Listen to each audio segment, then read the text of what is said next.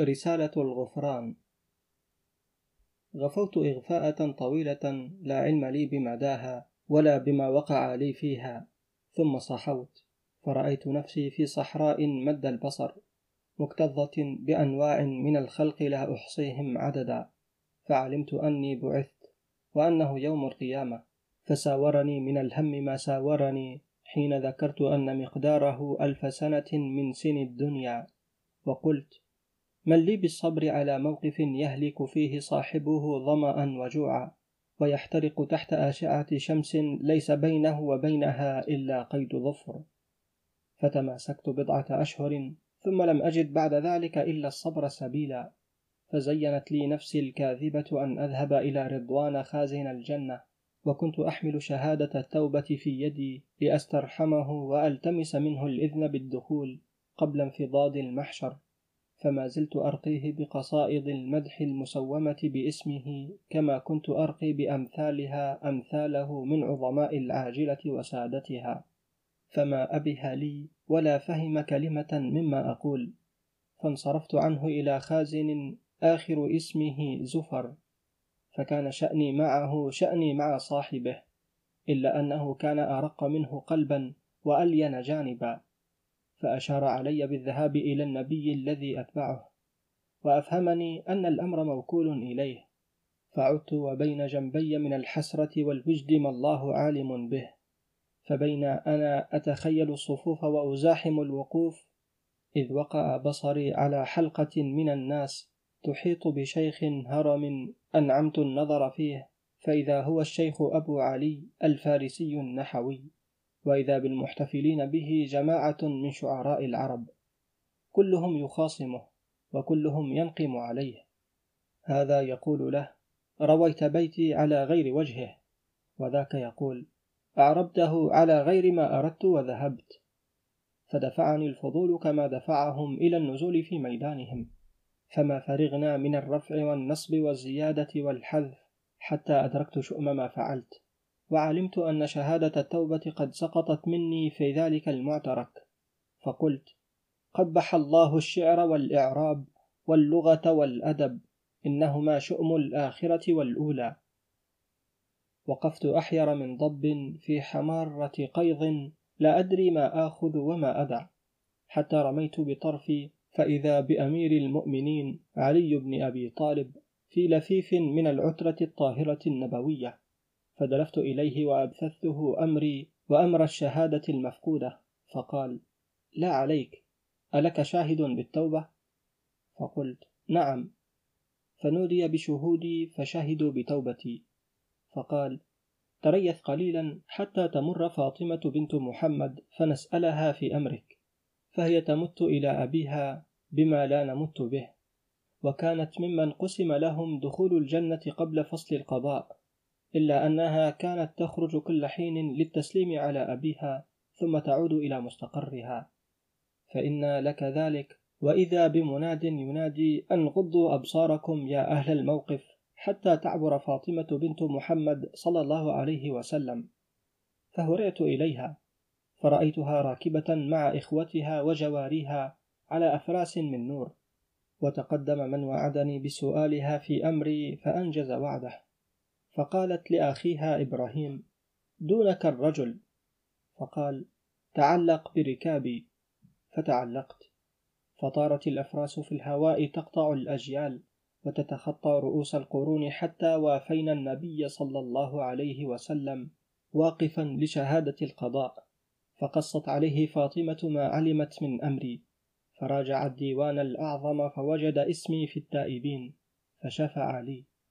فعدت في ركب فاطمة فرحا مستبشرا وما كنت أقدر أن بين يدي عقبة الصراط فلما وافيته وجدتني لا أستمسك عليه لرقته فأمرت فاطمة جارية من جواريها أن تعبر معي فأمسكت بيدي فمشيت أترنح ذات اليمين وذات الشمال وخفت السقوط فقلت لها احمليني زقفونة. فقالت وما زقفونة؟ فقلت أما سمعت قول الجحجلول من أهل كفر طاب صلحت حالي إلى الخلف حتى صرت أمشي إلى الورى زقفونة. فقالت ما سمعت بزقفونة ولا الجحجلول ولا كفر طاب. فحملتني وجازت بي الصراط كالبرق الخاطف حتى صرت إلى باب الجنة. فرمت الدخول فوقف رضوان في وجهي وقال أين جوازك؟ فبعلت بالأمر. ثم رأيت في دهليز الجنة شجرة صفصاف فعالجته على أن يعطيني منها ورقة أعود بها إلى الموقف لأستكتب عليها الجواز فأبى. فقلت وقد ملك الهم علي رشدي وصوابي. أما والله لو أنك حارس على أبواب الكرماء أو خازن لخزائن الملوك والأمراء لما وصل شاعر إلى درهم ولا سائل إلى سحتوت ولهلك الفقراء هما وحزنا. فسمع إبراهيم عليه السلام حواري فجذبني جذبة حصلني بها في الجنة وصاحبي ينظر إلي شزرا. فدخلت فرأيت ما لا عين رأت ولا أذن سمعت ولا خطر على قلب بشر. رأيت أنهارا من الماء العذب أصفى من أديم السماء وأصقل من مرآة الحسناء.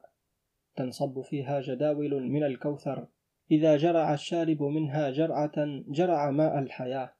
وأمن أن يذوق كأس المنون مرة أخرى. ورأيت جداول تفيض بالراح فيضا. قد زينت حوافيها بأباريق من العسجد وكؤوس من الزبرجد. فما نهلت منها نهلة حتى قلت لو كشف لأهل العاجلة عما في هذه الخمرة من اللذة التي لا يشوبها كدر والنشوة التي لا يعقبها خمار. ما باعوا قطرة منها بكل ما تشتمل عليه بابل وقطربل من البواطي والدنان ولو نظر الأقيشر الأسدي بعين الغيب إلى عسجد هذه الأباريق وزبرجد تلك الكؤوس لخجل من نفسه أن يقول أفني تلادي وما جمعت من نشب قرع القوازيز أفواه الأباريق. وفي تلك الأنهار آنية ترفرف فوق سطحها على صور الطيور كالكراكي والطواويس والبط والعندليب. ينحدر من مناقيرها شراب أرق من السراب وتسبح فيها أسماك من الذهب والياقوت. يعمل فيها بأوساط مجنحة كالطير تنشر في جو خوى فيها. ورأيت أنهارا من لبن وأنهارا من عسل لا يدرك الوهم كنهه إلا إذا أدرك ما يمتص نحل الجنة من زهورها وأنوارها. رأيت جميع تلك الأنهار مكبرة ثم تمثلت في نظري مصغرة فإذا هي سطور من النور وأحرف بيضاء في صحيفة خضراء. قرأتها فرأيتها. بسم الله الرحمن الرحيم. مثل الجنة التي وعد المتقون فيها أنهار من ماء غير آس فيها أنهار من ماء غير آسن وأنهار من لبن لم يتغير طعمه وأنهار من خمر لذة للشاربين. وأنهار من عسل مصفى ولهم فيها من كل الثمرات. ظللت أمشي فما أكاد أخطو خطوة حتى أرى منظرا عجيبا ينسي السابق ويشوق إلى اللاحق. فوددت لو طويت لي الأرض طيا فأتعجل النظر إلى ما غاب عني من الجنة وبدائعها. فما أخذ هذا الخاطر مكانه من نفسي حتى رأيت بين يدي فرسا من الجوهر المتخير مسرجا ملجما. فعلمت أني قد سعدت وأنها الأمنية التي كنت أتمناها. فعلوت ظهره وغمزته غمزة خرج بها خروج الودق من السحاب والسيف من القراب.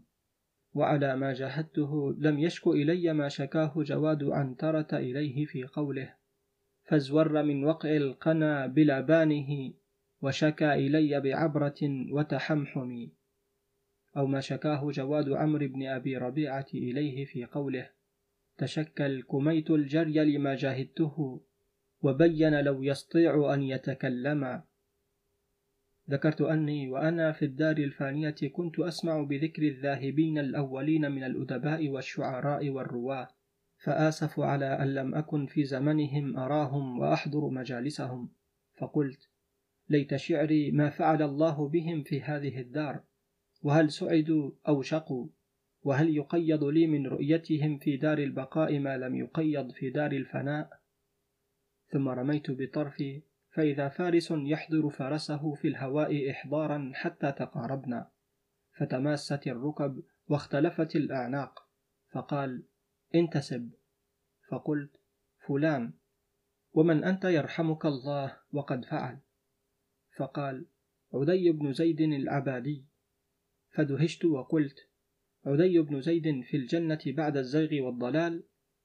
فقال أنا عيسوي وأنت محمدي وليس لصاحبك على أحد حجة إلا بعد ظهوره وبلوغ دعوته.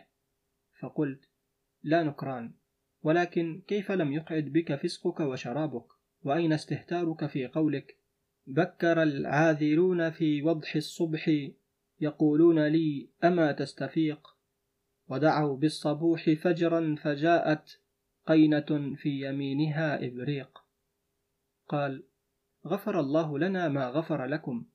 قلت هل لك علم بجماعة الشعراء والرواة؟ فقد تمنيت على الله أن أراهم فكنت عنوان الكتاب وفاتحة الإجابة. فقال اصحبني. فطارت بنا الخيل فقلت له هل آمن ألا يقذف بي هذا السابح على صخرة من الزمرد أو هضة من الياقوت فيكسر لي عضدا أو ساقا أو جمجمة؟ فتبسم وقال أين يذهب بك؟ نحن في دار الخلود والبقاء. مررنا بروضة من رياض الجنة يخترقها غدير خمري على شاطئه جمع كثير على سرر متقابلين أو على الأرائك متكئين. فهوى صاحبي بفرسه فهويت هوية وقلنا بسم الله الرحمن الرحيم.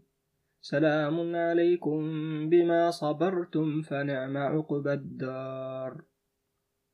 فرحبوا بنا وهشوا للقائنا وانتسبنا فتعارفنا ثم أخذوا فيما كانوا فيه. فإذا الأصمعي ينشد مروياته وأبو عبيدة يسرد وقائع الحروب ومقاتل الفرسان. وإذا سيبويه والكسائي متصافيان بعد أن وقع بينهما في مجلس البرامكة ما وقع. وأحمد بن يحيى لا يضمر لمحمد بن زيد من الموجدة ما كان يضمر. وأخذت تهب من ناحية النهر نفحة عطرية ذكرتني بقول الأعشى ميمون مثل ريح المسك ذاك ريحها. وعلى ذكر الأعشى ذكرت مصرعه وشقاءه وقلت في نفسي لولا أن قريشا صدته عن الإسلام لكان اليوم بيننا في مجلسنا هذا. فسمعت هاتفا من ورائي يقول أنا بينكم وفي مجلسكم.